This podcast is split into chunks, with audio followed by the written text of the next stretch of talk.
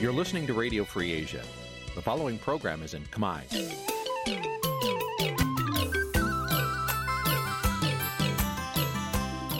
Nǐ chi càm bi tiệp xáy vệt chiu a zì sê ray នេះជាកម្មវិធីផ្សាយរបស់ Vithu Azisari ជាភាសាខ្មែរ វត្តឈូអាស៊ីសេរីសូមស្វាគមន៍លោកអ្នកនាងទាំងអស់ពីរដ្ឋធានី Washington នៃសហរដ្ឋអាមេរិកបាទពីរដ្ឋធានីវ៉ាស៊ីនតោនខ្ញុំបាទសនចាររថាសូមជម្រាបសួរលោកអ្នកនាងអ្នកស្ដាប់វិទ្យុអេស៊ីសរ៉ៃទាំងអស់ជាទីមេត្រីខ្ញុំបាទសូមជូនការផ្សាយសម្រាប់ព្រឹកថ្ងៃច័ន្ទ900ខែពុទ្ធបុត្រឆ្នាំខាលចត្វាស័កពុរសករាជ2566ត្រូវនៅថ្ងៃទី19ខែកញ្ញាគ្រិស្តសករាជ2022បាទជាដំបូងនេះ សូមអញ្ជើញលោកអ្នកនាងស្ដាប់ព័ត៌មានប្រចាំថ្ងៃដែលមានមេតិការដូចតទៅ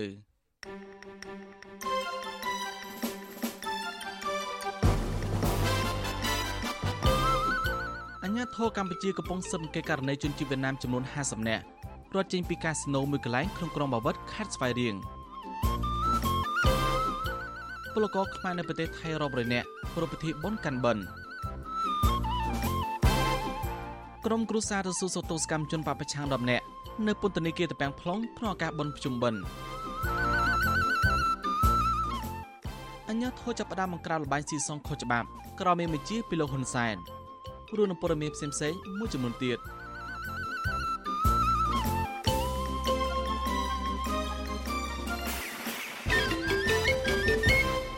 បាទជាបន្តទៅនេះខ្ញុំបាទសនចាររថាសូមជូនព័ត៌មានពិស្ដា អញ្ញាធរកម្ពុជាកំពុងស៊ើបអង្កេតករណីជនជាតិវៀតណាមចំនួន760នាក់ដែលបានរត់ចេញពីកាស៊ីណូមួយកន្លែងក្នុងក្រុងបាវិតខេត្តស្វាយរៀងកាលពីថ្ងៃទី17ខែកញ្ញាសារព័ត៌មានវៀតណាម VN Express ផ្សព្វផ្សាយកាលពីថ្ងៃទី18កញ្ញាម្សិលមិញដែលបង្ហាញវីដេអូខ្លីមួយដែលបានថតជនជាតិវៀតណាមជិត60នាក់សម្រុករត់ចេញពីកាស៊ីណូមួយកន្លែងចម្ងាយប្រមាណ1គីឡូម៉ែត្រពីច្រកព្រំដែនមកប៉ាយខេត្តតនិញប្រទេសវៀតណាមកាលពីរសៀលថ្ងៃទី17ខែកញ្ញាវីដេអូដែលថតដោយពលរដ្ឋមូលដ្ឋាន បង្ហាញថាក្រុមជនជាតិវៀតណាមបានរត់ចេញពីកំពង់ភ្លៀងធ្លាក់ខ្លាំងវីដេអូដែលមានរយៈពេលប្រមាណ1នាទីបង្ហាញថាមនុស្សស្លៀកពាក់ឯកស្ថានមួយក្រុមទំនងជាក្រុមសន្តិសុខកាស៊ីណូបានរត់ដេញតាមពួកគេពីក្រោយហើយចាប់ពួកគេទៅវិញ។ក្រុមសន្តិសុខថែមទៅវាដំជនជាតិវៀតណាមដែលពួកគេចាប់បានអញ្ញាធនខេត្តតែនៃប្រទេសវៀតណាមប្រាប់សារព័ត៌មានវៀតណាមថាជនជាតិវៀតណាមក្រុមនេះមានចំនួន56នាក់ហើយពួកគេធ្វើការនៅបនលបែកនៅក្រុងម៉ាវិត ប្រពន្ធដដែលបញ្ជាក់ថាមូលហេតុដែលពួកគេនាំគ្នារត់ចេញដោយសារភេកេនយោជករំលោភកិច្ចសន្យាការងារជនជាតិវៀតណាមដែលបានរត់ចេញមួយចំនួនបានប្រាប់សារព័ត៌មានវៀតណាម VN Express ថាពួកគេត្រូវបានបោកប្រាស់ឲ្យធ្វើការនៅកាស៊ីណូក្នុងប្រទេសខ្មែរកាលពី3ខែមុនពួកគេត្រូវបានមកខាំងក្នុងបន្ទប់រួមដែលមានច្រកចេញចូលតែមួយហើយបង្ខំឲ្យធ្វើការ12ម៉ោងក្នុងមួយថ្ងៃដោយមិនឲ្យចេញទៅខាងក្រៅពួកគេថាតកែនៅអ្នកគ្រប់គ្រងកាស៊ីណូនេះបានបញ្ជាមិនឲ្យនគរបាលអាចចេញចូល ហើយធ្វើអធិការកិច្ចក្នុងកាស៊ីណូនេះជាមួយគ្នានេះពួកគេបានដំណឹងថាតកែនៅលោកពួកគេឲ្យទៅតកែផ្សេងទៀតទើបពួកគេនឹងគ្នារត់ចេញព្រមព្រំគ្នាក្នុងពេលតែមួយចេញពីអគារចន្ទទី8អញ្ញាធិវៀតណាមប្រាវី VN Express ថាអាញាធរកម្ពុជាបានជួលសថាគារឲ្យអ្នកទាំង56អ្នកស្នាក់នៅដើម្បីស៊ើបអង្កេតចំណែកអាញាធរវៀតណាមក៏បានបញ្ជូនមន្ត្រីពាក់ព័ន្ធចូលរួមស៊ើបអង្កេតនៅក្នុងក្រុមអាវុធនេះផងដែរ បើទោះបីជាយ៉ាងណាវិទ្យុអេស៊ីសរ៉ៃមិនតាន់អាចតតងអាញាធរខ្មែរដើម្បីសាកសួរព័ត៌មានបន្ថែមបាននៅឡើយទេ កាលពីយប់ថ្ងៃទី18ខែកញ្ញានេះជាករណីលើកទី2ហើយដែលជនជាតិវៀតណាមជាច្រើនអ្នកបានសម្រុកចេញពីកាស៊ីណូនៅកម្ពុជា កាលពីថ្ងៃទី18សីហាមនុស្សជាង40នាក់ក្នុងនោះប្រុស35នាក់បានរត់ចេញពីកន្លែងឃុំឃាំងក្នុងកាស៊ីណូ Rich World ឬកាស៊ីណូ Golden Phoenix នៅក្នុងឃុំសពើលូនស្រុកកោះធំខេត្តកណ្ដាល ពួកគេបានហែកឆ្លងទន្លេប៊ីងឌីត្រឡប់ទៅប្រទេសវៀតណាមវិញស្របគ្នានេះដែរអាញាធរកម្ពុជានិងវៀតណាមកាលពីថ្ងៃទី2ខែកញ្ញាបានសហការគ្នាជួយសង្គ្រោះបរិវៀតណាមជាង900នាក់ដែលបានចាញ់បោកគេមកធ្វើការនៅកម្ពុជាអាស៊ីសេរីបានលោកនាងជាទីមត្រីពលករខ្មែរនៅសកម្មជនគណបកប្រឆាំងប្រមាណ300នាក់នៅព្រឹកថ្ងៃទី18កញ្ញាបានជួបជុំគ្នានៅវត្តមួយកន្លែងនៅក្រុងអង្គរប្រទេសថៃ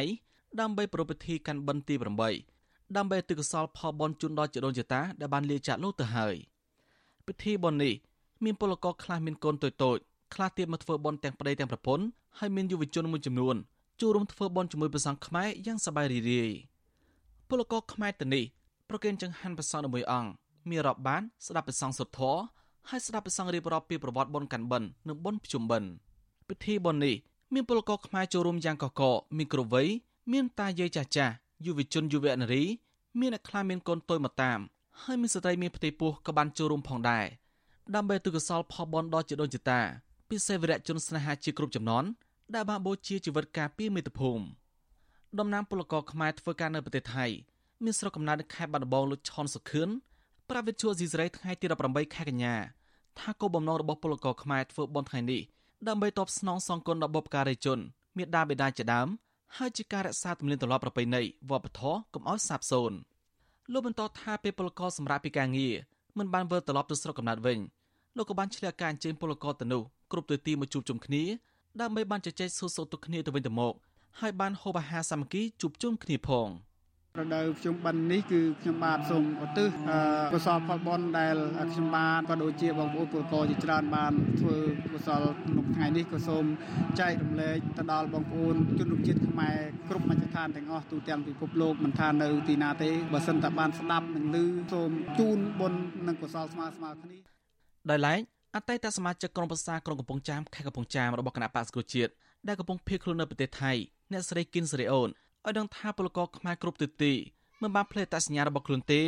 បើទោះបីជាពួកគាត់នៅទីណាក៏ដោយនៅតែខំរក្សាប្រពៃណីទំនៀមទម្លាប់ដែលដូនតាបន្សល់ទុកមកអ្នកស្រីបន្ថែមថាអ្នកស្រីសប្បាយចិត្តយ៉ាងខ្លាំងពេលឃើញពលករខ្មែរជាសាមគ្គីគ្នាចេះគ្រប់គ្នាហើយជួយយកអាសាគ្នាពិសេសពេលបន់ទៀនគ្រប់គ្នាថ្នាក់ខ្នែមិនខ្លាចនេះហត់អ្នកស្រីចូលរួមបន់កាន់បិណ្ឌទី8នេះដើម្បីឲ្យទិសដល់ជីដូនជីតានិងវីរៈបរោះដែលបានពលិជីវិតការពារជាតិនិងសាសនាគង់វង្សមកដល់សពថ្ងៃ។ ចាគាត់មកធ្វើបន់សាមគ្គីកាន់វេនបន់ទី8នេះគឺគាត់ធ្វើបន់ដើម្បីឧទ្ទិសកុសលញាតិការទាំងផលស្ដានដែលចែកឋានទៅហើយនឹងពពកបរោះខ្មែរយើងហើយគាត់ពលីជីវិតដើម្បីការពារជាតិហើយពួកខ្ញុំក៏ឧទ្ទិសកុសលផលបន់ទៅដល់ពួកគាត់ដែរឲ្យបានស្មើស្មើគ្នាជុំវិញរឿងនេះព្រះសង្ឃខ្មែរដែលគង់នៅប្រទេសថៃមានស្រុកកំណើតនៅខេត្តសំរាបពិខុថងយូមានត្រាធិការថាពលករខ្មែរនិងប្រកខ្មែរដែលភៀសខ្លួនបានចាត់ទុកពិធីបន់កាន់បិណ្ឌនេះថាជាការរំលឹកដល់បុព្វការីជន ដែលបានចែកឋានទៅហើយក្នុងនោះមានជីដូនជីតានិងវីរៈជនស្នេហាជាគ្រប់រូបតស៊ូច្បាំងការពារប្រទេសជាតិព្រះអង្គយល់ឃើញថាបុគ្គលដែលបានរំលឹកដឹងគុណដល់បុព្វការីជនបុគ្គលទៅនេះហៅថាជាជនកតញ្ញូរមែងចម្រុងចម្រើនក្នុងការរស់នៅប្រចាំថ្ងៃហើយការដែលមនុស្សគ្រប់រូបខំថែរក្សាប្រពៃណីដ៏ល្អពីដូនតាបានថិតថេរគឺជាបុណ្យកុសលរបស់ពួកគេ។ ហើយមួយវិញទៀតគឺឧទ្ទិសបុណ្យកុសលជូនដល់ហៅថាវីរៈបុព្វការីជនណាដែលលោកមានគុណឧបការៈគុណបំណាច់ចំពោះជាតិមាតុភូមិណាគុណបំណាច់ចំពោះជាតិមាតុភូមិណាលះបង់នៅកម្លាំងញើសកម្លាំងឈាមសាច់ឈាមស្រស់ឈាមស្រស់ហ្នឹងណាដើម្បីការពារនៅប្រទេសជាតិការពារនៅផលប្រយោជន៍ប្រទេសជាតិគឺអធិបតេយ្យភាពយើងណាដើម្បីជួយក្នុងនេះគឺឧទ្ទិសបុណ្យកុសលនេះជូនដល់បុព្វការីជនពិធីបុណ្យកាន់បិណ្ឌនេះ មានការចូលរួមពីពលករខ្មែរសកម្មជនគណបក្សគ្រូជាតិនិងពលករខ្មែរក្រោមដែលកំពុងរស់នៅភៀសខ្លួននិងធ្វើការនៅប្រទេសថៃពួកគាត់តែងតែរំលឹកពិធីបុណ្យនេះជារៀងរាល់ឆ្នាំដើម្បីឧទ្ទិសបុណ្យកុសលដល់ជីដូនជីតាពិសេសដើម្បីបង្ហាញពីទំនៀមទម្លាប់ប្រពៃណីខ្មែរឲ្យជនជាតិដទៃបានស្គាល់របាយការណ៍របស់អង្គការសង្ត្រាល់ឲ្យដឹងថាបច្ចុប្បន្នមានពលករខ្មែរធ្វើការស្របច្បាប់និងមិនស្របច្បាប់ជិត2លាននាក់នៅប្រទេសថៃហើយភាគច្រើនពួកគាត់មិនបានវិលត្រឡប់ទៅស្រុកកំណើតក្នុងការបុណ្យភ្ជុំបិណ្ឌនេះទេ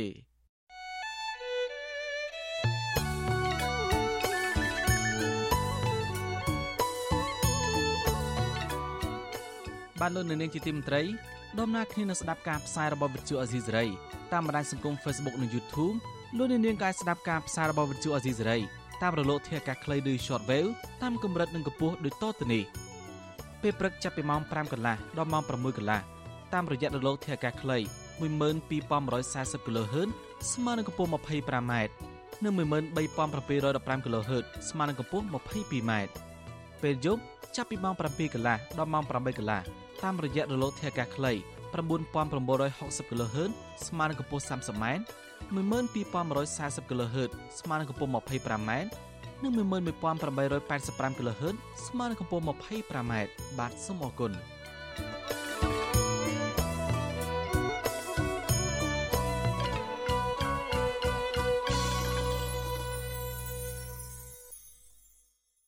បានលោកនៅនាងជាទីមន្ត្រីក្នុងការបន់ភ្ជុំឆ្នាំនេះ ក្រុមគ្រួសារទៅសួរសោតសកម្មជនបពប្រឆាំង10នាក់នៅពន្ធនាគារត្រពាំង plong ខេត្តត្បូងឃ្មុំដោយសាររដ្ឋាភិបាលមិនបានដោះលែងប្តីនៅពុកពួកគេឲ្យជួបជុំក្រុមគ្រួសារក្នុងឱកាសនេះដែរពួកគាត់បានរៀបរាប់ពីការឈឺចាប់ទុក្ខសោកនិងការប្រព្រឹត្តគ្នារាប់ឆ្នាំដោយសារការធ្វើទុកបុកម្នេញផ្នែកនយោបាយមន្ត្រីសង្គមស៊ីវិលយល់ថារដ្ឋាភិបាលគួរដោះស្រាយវិបត្តិនយោបាយហើយដោះលែងសកម្មជនទៅនេះដើម្បីឲ្យពួកគេបានជួបជុំក្រុមគ្រួសារឡើងវិញបាទពីរដ្ឋធានីវ៉ាស៊ីនតោន អ្នកស្រីសុជីវីរាយការណ៍ព័ត៌មាននេះប្រពន្ធនិងកូនកូនរបស់សកម្មជនបកប្រឆាំងដែលកំពុងជាប់ពន្ធនាគារប្រមាណ10នាក់បានធ្វើដំណើរពីបណ្ដាខេត្តនានាទៅជួបជុំគ្នាដើម្បីសួរសុខទុក្ខនិងយកម្ហូបអាហារឆ្ងាញ់ឆ្ងាញ់ជូនសមាជិកគ្រួសាររបស់ពួកគេនៅពន្ធនាគារត្រពាំង plong ក្នុងពិធីបុណ្យភ្ជុំបិណ្ឌឆ្នាំនេះកាលពីល្ងាចថ្ងៃទី18ខែកញ្ញាប៉ុន្តែឆ្មាំពន្ធនាគារមិនអនុញ្ញាតឲ្យសាច់ញាតិមិត្តភ័ក្តិចូលជួបអ្នកជាប់ឃុំឡើយ ពួកគេលើកឡើងថាពលរដ្ឋខ្មែរទូទាំងប្រទេសកំពុងជួបជុំក្រុមគ្រួសារធ្វើបុណ្យនៅតាមវត្តអារាមសប្បាយរីករាយតែក្រុមគ្រួសារអ្នកជាប់ឃុំនយោបាយវិញកំពុងទុកសោកដោយសារអំពើអយុត្តិធម៌ក្នុងសង្គមប្រពន្ធមន្ត្រីគណៈបកសង្គ្រោះជាតិដែលកំពុងជាប់ពន្ធនាគារលោកយឹមសារ៉េតគឺលោកស្រីអុកចន្ទធីប្រាប់វិទ្យុអាស៊ីសេរីកាលពីល្ងាចថ្ងៃទី18ខែសីហាក្រោយពីចេញពីជួបប្តីថា ពួកលោកស្រីបានរៃអង្គាសប្រាក់បន្តិចបន្តួច ដើម្បីធ្វើម្ហូបនំចំណីនិងសម្ភារៈផ្សេងផ្សេងទៀតផ្ញើជូនអ្នកជាប់ឃុំនយោបាយនៅពន្ធនាគារត្រពាំង plong នៅថ្ងៃបិណ្ឌ8លោកស្រីរៀបរាប់ថាគ្រួសារលោកស្រីឈឺចាប់ដែលមិនបានជួបជុំជាមួយប្រពន្ធកូននិងញាតិមិត្តនៅស្រុកកំណើតដើម្បីធ្វើបុណ្យក្នុងឱកាសបុណ្យទានដោយក្រុមគ្រួសារពលរដ្ឋខ្មែរដទៃទៀតដោយសារតែអាញាធរចាប់ប្តីលោកស្រីដាក់ពន្ធនាគារជាង2ឆ្នាំក្រោមហេតុផលនយោបាយ លោកស្រីឲ្យដឹងថាសកម្មជននយោបាយនៅពន្ធនាគារត្រពាំង plong ស្នើយ៉ាងទទូចឲ្យអាជ្ញាធរពន្ធនាគារផ្ទេរពួកគាត់ត្រឡប់ទៅពន្ធនាគារព្រៃសរវិញញាតិដូចជា ដូចជាចៅដូចជាអីដែលគាត់បែកគ្រួសារទៅទៅគ្រួសារផ្សេងគឺมันអាចមកជួបសួរសុខទុក្ខគាត់បានទេតែចឹងហើយអាភាពក្តុកដួលអាភាពឈឺចាប់នឹងវាមិនថាតែគ្រួសារខ្ញុំគឺគ្រួសារអ្នកជាប់គុំទាំងអស់គឺកូនចៅតែងតែសួររកតាកូនមួយជួបជុំមកសួរតាមិនហើយសុខទុក្ខគាត់យ៉ាងម៉េចចង់ទៅជួបគាត់មានឱកាសជួបអញ្ចឹងគឺអាចតែនេះសពសង្រេងហ្នឹងគឺឈឺចាប់រកអាពាក្យខ្លែងអត់ចេញ ស្រដៀងគ្នានេះដែរប្រពន្ធមន្ត្រីគណៈបកប្រឆាំងម្នាក់ទៀតលោកកៅថៃគឺលោកស្រីសំចិន្តាថ្លែងថាលោកស្រីបានធ្វើដំណើរពីខេត្តកំពង់ឆ្នាំងរយៈពេល2ថ្ងៃនិងចំណាយសោហុយជាច្រើនដើម្បីបានជួបប្តីនៅពន្ធនាគារត្រពាំង plong ជាប់ព្រំដែនវៀតណាមនៅរដូវភ្ជុំឆ្នាំនេះលោកស្រីសំចិន្តានិយាយថាអ្វីដែលលោកស្រីកាន់តែខ្លោចក្នុងចិត្តនោះគឺពេលឃើញប្តីរៀបរាប់ពីទុកលំបាកនិងបញ្ហាសុខភាពនៅក្នុងបន្ទប់ឃុំឃាំងដោយបច្ចុប្បន្ន គាត់មានជំងឺលើសឈាមជំងឺសន្លាក់និងជំងឺភ្នែកដែលត្រូវការពិនិត្យនិងព្យាបាលពីគ្រូពេទ្យប្រពន្ធមន្ត្រីគណៈបកប្រជារូបនេះឲ្យដឹងថាប្តីលោកស្រីបានបង្ហាញទឹកមុខក្រៀមក្រំដោយសារអាញាធរនៅតែបន្តឃុំខ្លួនគាត់ជិត3ឆ្នាំទាំងគ្មានកំហុសអណយអធមណាស់អាណិតប្តីណាព្រោះដោយសារអត់បានជួបប្រពន្ធអត់បានជួបកូនព្រោះគេទៅវត្តគ្រប់គ្នាចំណែកក្រុមគ្រួសារខាងពួកខ្ញុំនេះគឺ វិធានាបំផុតចាដោយសារខ្ញុំបានជួបប្រពន្ធកូនគឺចេះតែសបាយទៅក្រុមគ្រួសារខ្ញុំមានតែទុកឬក៏ទុកទៅទុកទៅអញ្ចឹងធ្វើឲ្យគាត់នឹងពិបាកដល់អញ្ចឹងសំណពោឲ្យសំណពោទៀតឲ្យដោះលែងពួកគាត់ទៅវិទ្យុអាស៊ីសេរីមិនអាចតាក់ទងប្រធានអង្គភិបអ្នកនាំពាក្យរដ្ឋាភិបាលលោកផៃស៊ីផានដើម្បីបញ្ជាក់ជំវិញរឿងនេះបានទេ កាលពីថ្ងៃទី18ខែកញ្ញាអគ្គនាយកដ្ឋានពន្ធនាគារកាលពីថ្ងៃទី21ខែសីហា បានផ្ទេរសកម្មជនគណៈបកសង្គ្រោះជាតិសរុប14នាក់ទៅពន្ធនាគារត្រពាំង plong ខេត្តត្បូងឃ្មុំជាប់ព្រំដែនប្រទេសវៀតណាមសកម្មជនគណៈបកប្រឆាំងទាំងនោះរួមមាន លោកសុនធុនលោកយឹមសារ៉េត លោកទុំបន្ថនលោកពៀតម៉ាប់លោកគង់សំអាន លោកថៃគុន្ធាលោកសុកចិន្តាលោកខឹមភៀណា និងសកម្មជនគណៈបកប្រឆាំងមួយចំនួនទៀត។ ប៉ុន្តែក្រុមគ្រួសារនិងមេធាវីការពារក្តីស្នើដល់អគ្គនាយកដ្ឋានពន្ធនាគារនៃក្រសួងមហាផ្ទៃឲ្យបញ្ជូនពួកគេពីពន្ធនាគារត្រពាំង plong ត្រឡប់ទៅពន្ធនាគារព្រៃសរវិញអ្នកនាំពាក្យអគ្គនាយកដ្ឋានពន្ធនាគារនៃក្រសួងមហាផ្ទៃលោកនុតសាវណ្ណាប្រាប់វិទ្យុអាស៊ីសេរីថាមន្ត្រីជំនាញខាងលោកកំពុងពិនិត្យមើលជំវិញសំណើរបស់ជនជាប់ឃុំទាំងនោះដែលបានស្នើសុំផ្ទេរពីពន្ធនាគារត្រពាំង plong ទៅពន្ធនាគារព្រៃសរវិញដោយឡែក ចំពោះករណីលើកឡើងថាមន្ត្រីពន្ធនាគារត្រពាំង plong រដ្ឋបិទលើសាច់ញាតិបងប្អូនរបស់ជនជាប់ឃុំមិនឲ្យសួរសុខទុក្ខនោះលោកនឹងយកករណីនេះទៅត្រួតពិនិត្យជាមួយនឹងមន្ត្រីនៅទីនោះមានការស្នើសុំសុំជួបចឹងទៅហើយស្មារតីពន្ធនាគារពិនិត្យមើលថាពិតជាមនុស្សដែលគាត់អះអាងហ្នឹងហើយគាត់អត់មានលក្ខខណ្ឌហាមគាត់អីទេអាហ្នឹងមិនបង្កបញ្ហាសន្តិសុខអីទេអាហ្នឹងធម្មតាយើងអនុញ្ញាតឲ្យចូល មកទល់ពេលនេះមានសកម្មជនបកប្រឆាំងនិងអ្នករិះគន់រដ្ឋាភិបាលជាង60នាក់ទៀតកំពុងជាប់ឃុំក្នុងពន្ធនាគារដោយសារតែការអនុវត្តសិទ្ធិសេរីភាពរបស់ខ្លួនពួកគេភ័យច្រើនត្រូវបានអាជ្ញាធរចាប់ខ្លួនជាបន្តបន្ទាប់កាលពីដើមឆ្នាំ2020តុលាការបានចោទប្រកាន់ពួកគេដូចដូចគ្នាពីបទរួមគំនិតក្បត់ញុះញង់ឲ្យយោធិនមិនស្ដាប់បង្គាប់ញុះញង់ឲ្យប្រព្រឹត្តបទឧក្រិដ្ឋជាអាត និងញុះញង់ឲ្យមានភាពវឹកវរធ្ងន់ធ្ងរដល់សន្តិសុខសង្គមជាដើម កាលពីថ្ងៃទី13ខែកញ្ញាសាលាឧទ្ធររាជធានីភ្នំពេញសម្រាប់ដំកល់សាលក្រមផ្ដន្ទាទោសសកម្មជនគណៈបកប្រឆាំង12នាក់ដែលឃុំខ្លួននៅត្រពាំង plong ឲ្យជាប់ពន្ធនាគារចន្លោះពី5ឆ្នាំដដែលជុំវិញរឿងនេះអ្នកនាំពាក្យសមាគមការពារសិទ្ធិមនុស្សអាត6លោកសឹងសានករណាលើកឡើងថាចាប់តាំងពីវិបត្តិនយោបាយនៅក្នុងឆ្នាំ2017មានសកម្មជនបកប្រឆាំងមួយចំនួនត្រូវរងអំពើហិង្សា ហើយអ្នកខ្លះទៀត ត្រូវអាជ្ញាធរចាប់ខ្លួនដាក់ពន្ធនាគារនិងភៀសខ្លួនចេញពីការធ្វើទុកបុកម្នេញជាបន្តបន្ទាប់ដែលធ្វើឲ្យពួកគេប្រត់ប្រាស់ពីគ្រួសារជាច្រើនឆ្នាំមកនេះលោកបញ្ជាក់ថាសង្គមស៊ីវិលនិងសហគមន៍អន្តរជាតិនៅតែចាត់ទុកករណីទាំងនេះថាមិនមែនជាការអនុវត្តច្បាប់ទេ តែជាការធ្វើទុកបុកម្នេញផ្នែកនយោបាយដូច្នេះរដ្ឋាភិបាលគួរដោះស្រាយវិបត្តិនយោបាយនិងទម្លាក់ចោលការចោទប្រកាន់ និងដោះលែងពួកគេឲ្យមានសេរីភាពក្នុងការអនុវត្តសកម្មភាពនយោបាយស្របតាមគោលការណ៍ប្រជាធិបតេយ្យឡើងវិញសម្រាប់យើងដែលជាសង្គមស៊ីវិលនេះយើងទទួលចង់ឲ្យមានលំហនៃលទ្ធិប្រជាធិបតេយ្យនឹងឲ្យមានការគោរពនៅសិទ្ធិរបស់អ្នកនយោបាយសកម្មជននយោបាយនឹងឲ្យមានភាពពេញលេញហើយមានការប្រកួតប្រជែងគ្នាដោយការបោះឆ្នោតប្រកបដោយភាពសេរីត្រឹមត្រូវនិងយុត្តិធម៌ហើយមានការ ស្គាល់ពីគ្រប់ភាគីពាក់ព័ន្ធទាំងសហគមន៍ជាតិនិងអន្តរជាតិជាដើមក្រុមគ្រួសារសកម្មជនបកប្រឆាំងបញ្ជាក់ថាបើទោះបីជាពួកគាត់ទទួលភាពសោកសៅនៅក្នុងចិត្តអំពីភាពអយុត្តិធម៌នៅក្នុងសង្គមនៅពេលនេះយ៉ាងណាក៏ដោយក៏ពួកគាត់រក្សាជំហររឹងមាំដើម្បីតស៊ូទាមទាររដ្ឋាភិបាលដោះលែងអ្នកជាប់ឃុំទាំងអស់ឲ្យមានសេរីភាពឡើងវិញដោយឥតលក្ខខណ្ឌនាងខ្ញុំសុជីវី Vithu Azizi Serai ពីរដ្ឋធានី Washington បានលោកនាងជាទីមត្រីអំណរដូវកាលបំជុំឆ្នាំនេះស្របពេលដែលវត្តអារាមជាច្រើនសម្បូរចង្ហាន់ព្រះសង្ឃនៃការពីព្រៃឈើកូនអបំព្រៃសង្ឃរុកវ័នខេត្តដូនមជ័យកំពុងមានបញ្ហាខ្វះចង្ហាន់ដោយសារតែមិនមានពុទ្ធបរិស័ទយកទៅយាទានទៅប្រគេនសង្គមសវននិងប្រសង់អំពីវនីរដ្ឋសពរជនជួយដល់ប្រសង់នៅទីនោះដែលកំពុងតស៊ូការពារព្រៃធម្មជាតិនៅតំបន់អភិរក្សនោះបាទពីរដ្ឋធានីវ៉ាស៊ីនតោនលោកជីវតារាយការណ៍ព័ត៌មាននេះ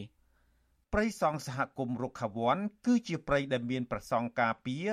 និងបង្ក្រាបបទល្មើសជាហូរហែព្រោះវាជាតំបន់សម្បូរដោយសត្វព្រៃនិងឈើប្រណិតប្រណិតមួយចំនួន ដែលបានអភិរក្សអស់រយៈពេលជាច្រើនឆ្នាំមកហើយតាំងពីរដ្ឋាភិបាលបានប្រកាសដាក់តំបន់នោះជាតំបន់ការពារប៉ុន្តែមកដល់ពេលនេះមានប្រសង់ចាំព្រះវស្សាតែពីរអង្គប៉ុណ្ណោះខណៈដែលការចំណាយផ្សេងផ្សេងគឺប្រសង់ទទួលខុសត្រូវដោយព្រះអង្គឯង ព្រះដេចគុណសោមបូលីនដែលគង់ប្រចាំនៅទីស្នាក់ការព្រៃព្រះសង្ឃរុក្ខវ័នប្រាប់វិទ្យុអាស៊ីសេរីនៅថ្ងៃទី18កញ្ញាថាព្រះសង្ឃដែលចាំព្រះវស្សានៅព្រៃសង្ឃសហគមន៍រុក្ខវ័នឆ្នាំនេះមានតែពីរអង្គប៉ុណ្ណោះខណៈដែលចង្ហាន់ភៀកច្រើនបានមកពីការឧបត្ថម្ភខ្លះពីពុទ្ធបរិស័ទនៅខាងក្រៅប្រទេស និងពីវត្តប្រាសាទរាជាសំរោងក្រុងសំរោងខេត្តឧត្តរមានជ័យដែលព្រះអង្គធ្លាប់គង់នៅ ប៉ុន្តែមិនគ្រប់គ្រាន់នោះទេព្រោះត្រូវចំណាយច្រើនក្នុងមួយខែមួយខែប្រដេជគុណបន្ថែមថាការខ្វះខាតចង្ហាន់នេះបណ្ដាលមកពីប្រជាពលរដ្ឋភៀសច្រើនមិនសូវចាប់អារម្មណ៍លើសកម្មភាពប្រសង់ដែលតែងតែខ្វល់ខ្វាយលើបញ្ហាសង្គមរួមនឹងការអភិរក្សព្រៃធម្មជាតិផងទោះបីបញ្ហាចង្ហាន់នេះកើតមានជាយូរមកហើយក៏ដោយក៏ប្រសង់ដែលគង់នៅទីនោះមិនដែលគិតថាបោះបង់ការបង្ក្រាបបទល្មើសព្រៃឈើ និងការចូលរួមអភិរក្សព្រៃសហគមន៍នេះឡើយរឿងចានិងអាញាធរអីមូលដ្ឋានគេបានផ្សព្វផ្សាយដែលមិនដឹងជាគេបានសហការអីយ៉ាងណាយ៉ាងណាអានឹងអាត្មាដឹងដែរប៉ុន្តែការដែលមានចង្ហាន់វិនជូននេះដូចជាការខ្សត់ខ្សោយនេះអាត្មាក៏ចេះតែខំតស៊ូព្រោះជាគេដំណើររបស់លោកគ្រូអតីតព្រះមិគុណខេតផង និងជា ជាសម្បត្តិរបស់សាធារណៈរបស់សាធារណៈផងអាត្មាខំតាំងចិត្តតាំងកាយទាំងគ្រប់ព្រះអង្គគ្រប់គ្នាដើម្បីតស៊ូជួយការពារដើម្បីឲ្យទុកឲ្យកូនចៅចំនួនក្រោយនឹងឲ្យបានដឹងបានឃើញឲ្យបានស្គាល់កុំឲ្យបាត់បង់ដូចជាសត្វកម្រនិងព្រៃឈើទាំងនោះដល់ហើយអាត្មាក៏ចេះតស៊ូទៅការដែលនៅក្នុងប្រជាប្រដ្ឋនៅជុំវិញនេះក៏គ្មានធនធាននិងចេះដឹងទេព្រោះជា បើញ៉ៃចំទៅថាគ្នាមានការខ្វះខាតទៅបើមិនបានទៅធ្វើការទីណាក៏មានតែគ្នាស្វែងរកនៅក្នុងព្រៃនេះដើម្បីនឹងកាត់បន្ថយនៅជីវភាពរបស់ខ្លួនឬក៏ដើម្បីថានឹងចំពោះអង្គការណាមួយដែលជប់ចម្ពាក់គេនឹងចេះតែដោះស្រាយទៅព្រោះគ្នាមានការខ្វះខាតផងអីផងអានឹងទៅតាមតម្រូវចិត្តរបស់មនុស្ស ចំណែកអតីតប្រសង់និងជាប្រធានព្រៃសង្ឃសហគមន៍រុក្ខវ័នគឺលោកបុត្រសលួត បានឲ្យដឹងថា តាំងពីមានប្រសង់គង់នៅទីស្នាក់ការសហគមន៍សង្ឃរុក្ខវ័ននេះមកមិនដែលមានពុទ្ធបរិស័ទណាមួយរៀបចំចង្ហាន់ឬប្រគេននៅរដូវបុណ្យកាន់បិណ្ឌដោយបណ្ដាវត្តផ្សេងៗនោះទេដូច្នេះរាល់ចំណូលចំណាយទាំងអស់គឺពឹងទាំងស្រុងលើការឧបត្ថម្ភពីសំណាក់ពុទ្ធបរិស័ទដែលតែងតែគោរពស្រឡាញ់នៅរាល់សកម្មភាពការពារព្រៃឈើប៉ុណ្ណោះ លោកបន្តថាកន្លងមកប្រសង់ដែលគង់នៅចាំវសានៅក្នុងព្រៃសង់រុក្ខវ័នគឺជាសកម្មភាពស្ម័គ្រចិត្តដោយសារតែប្រសង់ស្រឡាញ់ធម្មជាតិរួមនឹងការប្រឹងប្រែងពីសំណាក់ប្រជាពលរដ្ឋមូលដ្ឋាន ដើម្បីចុះល្បាតបទល្មើសព្រៃឈើมันជាថ្មីទេតែពេលនេះអឺខ្ញុំមើលឃើញថាទោះបីខ្ញុំមិនដែលបានចូលលូកមែនតែខ្ញុំមិនបានសោបានតោមែនតែ ខ្ញុំថាចំពោះលោកលោកថានៅសប្តាហ៍ថ្ងៃ12អង្គ3អង្គมันជាបញ្ហាប្រឈមទេរឿងហានតែពុទ្ធបរិស័ទគិតមិនដែលងាយទៅធ្វើបុណ្យឡើយនោះទេកាលពីខ្ញុំនៅផងគិតប្រកាន់គិតថាអឺខ្លះកាលពីគិតមិនទាន់យល់ទេណាក្មួយខ្ញុំចូលចិត្តនិយាយត្រង់គិតថាបាក់ទៅអុយលោកឆាន់អុយលោកការពីព្រៃឈើធ្វើអុយអឺនឹងកាលពីខ្ញុំទេខ្ញុំព្យាយាមរហូតពន្យល់គិតរហូតដល់គិតយល់បាទអានឹងរហូត ជុំវិញរឿងនេះអភិបាលរងខេត្តឧត្តរមានជ័យលោកឌីរ៉ាដូប្រាប់វិទ្យុអាស៊ីសេរីនៅថ្ងៃទី18កញ្ញាថាអញ្ញាធរពពាន់តែងតែខ្វាយខ្វល់នៅពេលដែលចុះទៅទីស្នាក់ការព្រៃសងសហគមន៍រុក្ខវ័នដែលមានប្រសងគង់នៅ ហើយតែងតែយកអង្គនិងទៅយទានមួយចំនួន ទៅប្រគេនប្រសងជារឿយៗដែរទោះជាយ៉ាងណា លោកថាលោកចាំទទួលដំណឹងជាក់លាក់អំពីបញ្ហានេះសិន ពាក់ព័ន្ធនឹងព័ត៌មាននេះខ្ញុំអត់ទាន់បានទទួលរបាយការណ៍នៅឡើយអញ្ចឹងណាប៉ុន្តែកន្លងមកខាងយើងខាងអាញាធិបតេយ្យចុះទៅទីតាំងហ្នឹងណាប៉ុន្តែមិនដែលដឹងថាខាងប្រសល់ហ្នឹងខ្វះខាតចំហាន់នោះទេបាទអញ្ចឹងណាហើយពេលរៀងរាល់ដែលអាញាធិបតេយ្យខ្ញុំចុះទៅខ្ញុំតែងយកកយកអីទៅប្រគេនលោកអញ្ចឹងណាបាទបាទ ចំណែកអង្គការសង្គមស៊ីវិលនិងប្រសង់ដែលគង់នៅព្រៃសហគមន៍រុក្ខវ័នក៏អំពាវនាវឲ្យមានការចូលរួមពីពលរដ្ឋទាំងអស់ក្នុងការឧបត្ថម្ភប្រសង់និងប្រជាសហគមន៍ទៅតាមលទ្ធភាពដើម្បីជាការលើកទឹកចិត្តក្នុងការអភិរក្សធនធានធម្មជាតិដែលកំពុងតែរងការបាត់បង់ដោយសារតែបទល្មើសនៅតែបន្តកើតមាន ហើយការចូលរួមឧបត្ថម្ភពីសំណាក់សាធារណជននោះគឺជាការរួមចំណែកក្នុងការថែរក្សាព្រៃឈើទាំងអស់គ្នា កាលពីឆ្នាំ2018រដ្ឋាភិបាលកម្ពុជាបានសម្រេចរក្សាដីព្រៃជាង30000ហិកតានេះទុកជាដែនជម្រកសត្វព្រៃឬជាតំបន់ព្រៃការពារដែលមានឈ្មោះថាសង់រុក្ខវ័នដែនជម្រកសត្វព្រៃព្រៃសហគមន៍សង់រុក្ខវ័ននេះលាតសន្ធឹងក្នុងស្រុកចំនួន3រួមមានស្រុកសំរោងស្រុកចុងកាល់និងស្រុកអន្លង់វែងខេត្តឧត្តរមានជ័យខ្ញុំជីវិតាអាស៊ីសេរីបាទលោកនៅនាងជាទីមត្រី ពលរដ្ឋបករបរធ្វើនំបញ្ចុកត្អូញត្អែថាលោកនឹងមិនចុះមិនដាច់ស្របពេលដែលប្រមមិនសូវទៅធ្វើបុណ្យវត្តនៅរដូវបុណ្យភ្ជុំនេះការត្អូញត្អែនេះបន្តពីពួកគេសង្កេតឃើញថាការលក់និងកំងនំបញ្ចុកព្រមទាំងចំនួនពលរដ្ឋទៅធ្វើបុណ្យនៅតាមវត្តមិនសូវមានច្រើនសង្គមស៊ីវិលយល់ឃើញថាពលរដ្ឋជួបទូលំបាកក្នុងជីវភាពប្រចាំថ្ងៃនិងបញ្ហាប្រាក់ចម្ពាក់ធនាគារដូច្នេះរដ្ឋាភិបាលត្រូវដោះស្រាយវិបត្តិសេដ្ឋកិច្ចឲ្យបង្កើតការងារដើម្បីជួយលើកកម្ពស់ជីវភាពពលរដ្ឋបាទពីរដ្ឋធានីវ៉ាស៊ីនតោន លោកសេមដិនរាយការណ៍ព័ត៌មាននេះអ្នកប្រកបមុខរបរធ្វើនំបញ្ចុកនៅខេត្តបៃលិនខកចិត្តដែលក្នុងរដូវបុណ្យភ្ជុំបិណ្ឌនិងកាន់បិណ្ឌនៅតាមវត្តអារាមមិនសូវមានការកំងនំបញ្ចុកនោះទេពួកគេលើកឡើងថារដូវបុណ្យភ្ជុំបិណ្ឌឆ្នាំនេះគឺចំនួននំបញ្ចុកលក់ចេញមិនដូចឆ្នាំមុនមុនឡើយនិងលក់បានដូចថ្ងៃធម្មតាប៉ុណ្ណោះពួកគេថាសិប្បកម្មផលិតនំបញ្ចុកដោយដៃមួយចំនួនបានបោះបង់ចោលមុខរបរមួយនេះដោយសារលក់មិនសូវដាច់ និងមានសិប្បកម្មធំធំមួយចំនួនងាកមកផលិតនំបញ្ចុកដោយម៉ាស៊ីនស្វ័យប្រវត្តិវិញអ្នកធ្វើនំបញ្ចុកម្នាក់នៅក្នុងក្រុងប៉ៃលិន លោកជ្រិនឈៀងប្រាប់បទសុអាស៊ីសេរីនៅថ្ងៃទី18កញ្ញាថាលោកប្រកបមុខរបរនេះជិត20ឆ្នាំមកហើយ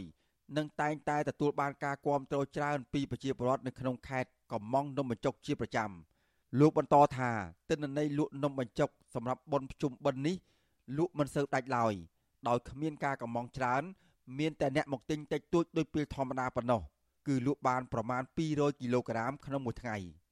លោកបន្តទៀតថាឆ្នាំមុនស្ថិតនៅក្នុងវិបត្តិជំងឺ Covid-19 មែនប៉ុន្តែប្រជាពលរដ្ឋទៅធ្វើបុណ្យមានចំនួនច្រើន និងតម្លៃទំនិញនៅលើទីផ្សារក៏សមរម្យលោកជ្រិនឈៀងយល់ឃើញថាបញ្ហានេះអាចបណ្ដាលមកពីប្រជាពលរដ្ឋធ្វើកសិកម្មមិនសូវបានផល និងជំពាក់បំណុលធនាគារច្រើនទើបមិនសូវយកចិត្តទុកដាក់ ក្នុងការធ្វើបុណ្យទានជុំគ្នានៅតាមវត្តអារាម។ វាដល់ស្ដេចសងធ្វើហើយជាប្រជាជនយើងធំមានលុយហ្នឹងតាមមើលហើយណាមួយថាជាអាចចិត្តទៅនឹងការធ្វើរបស់យើងវាដល់កើនបើប្រៀបធៀបឆ្នាំមិញដូចវាចាញ់ឆ្នាំមិញធ្វើតែតិចតិចខ្ញុំតែតែព្រឹកព្រឹកឡើងឆ្នាំមិញមានបញ្ហាកូវីដហើយប៉ុន្តែដូចយើងដាច់គ្រាន់បើជាឆ្នាំនេះធ្វើនៅធម្មតាធម្មតាដូចយើងបោះមួយមានប្រហែលនៅធ្វើប៉ុណ្ណឹងធ្វើការមួយអីគេអ្នកខ្លះគេសម្រាប់គេអីច្រើនដែរហ្នឹងស្រដៀងគ្នានេះដែរអ្នកធ្វើនំបញ្ចុកម្នាក់ទៀតនៅក្នុងស្រុកសាលាក្រៅលោកនឹងចំណាន លើកឡើងថាមុខរបរធ្វើនំបញ្ចុកបច្ចុប្បន្នកាន់តែលំបាកពីមួយថ្ងៃទៅមួយថ្ងៃ ដែលធ្វើឲ្យប៉ះពាល់ទៅដល់ជីវភាពគ្រួសារលោកបន្តថារដូវបុណ្យភ្ជុំបិណ្ឌឆ្នាំនេះលោកគ្មានការកំងពីខាងវត្តអារាមណាមួយឡើយហើយការធ្វើនំបញ្ចុកជាលក្ខណៈគ្រួសារប្រពៃណីបច្ចុប្បន្នរបស់លោក និងអ្នកភូមិអាចប្រឈមនឹងការបោះបង់ចោលតែម្ដង ព្រោះมันអាចទប់ទល់នឹងការចំណាយប្រចាំថ្ងៃបាន លោកនឹងចំណាន បញ្ជាក់ថានៅតំបន់លោកមិនសូវឃើញប្រជាពលរដ្ឋទៅធ្វើបុណ្យនៅតាមទីវត្តអារាមឡើយ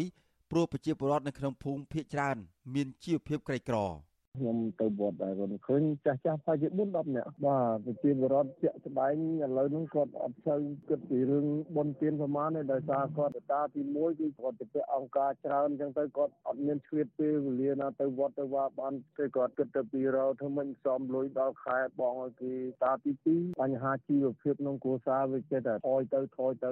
រោអីអត់ទៅបានអញ្ចឹងទៅគាត់មិនសូវហ៊ានចំណាយទៅដាស់តាបុណ្យទានហ្នឹងគាត់លៃលើកធ្វើមិនពេញដៃពេញជើងដូចថាធ្វើទាំងអត់មិនមានអីហូរហៀទៅធ្វើអញ្ចឹងធ្វើទាំងខំចិត្តគាត់ណាហើយតកតូននឹងបញ្ហានេះប្រធានមន្ត្រីធម្មការនិងសាសនាខេត្តបៃលិន លោកសំសាវឿនលើកឡើងថាវត្តនៅតាមទីជនបទមិនសូវមានពលរដ្ឋទៅធ្វើបុណ្យច្រើនឡើយដោយសារវត្តនៅក្បែរក្បែរគ្នា ហើយពលរដ្ឋមានចំនួនតិចប៉ុន្តែវត្តនៅតាមទីប្រជុំជន គឺមានប្រជាពលរដ្ឋទៅធ្វើបុណ្យច្រើនជាធម្មតាលោកបន្តថាសហគមន៍មន្ទីរ និងអង្គភាពផ្សេងផ្សេងនៅក្នុងវត្តបានធ្វើបុណ្យកាន់បិណ្ឌទៅតាមវេននៅតាមវត្តតាមឃុំផ្សេងផ្សេងគ្នាទៅតាមតំបន់ដែលពួកគាត់រស់នៅប្រជាពលរដ្ឋហ្នឹងខ្លះទៅមិនបានទៅទាំងអស់គ្នាប្រហែលទេព្រោះអីអានេះកូវីដនៅវាយលុកដល់ហើយមិនទៅញ៉ាំច្រើនក្នុងមួយផ្ទះជាងទៅគេបានទៅ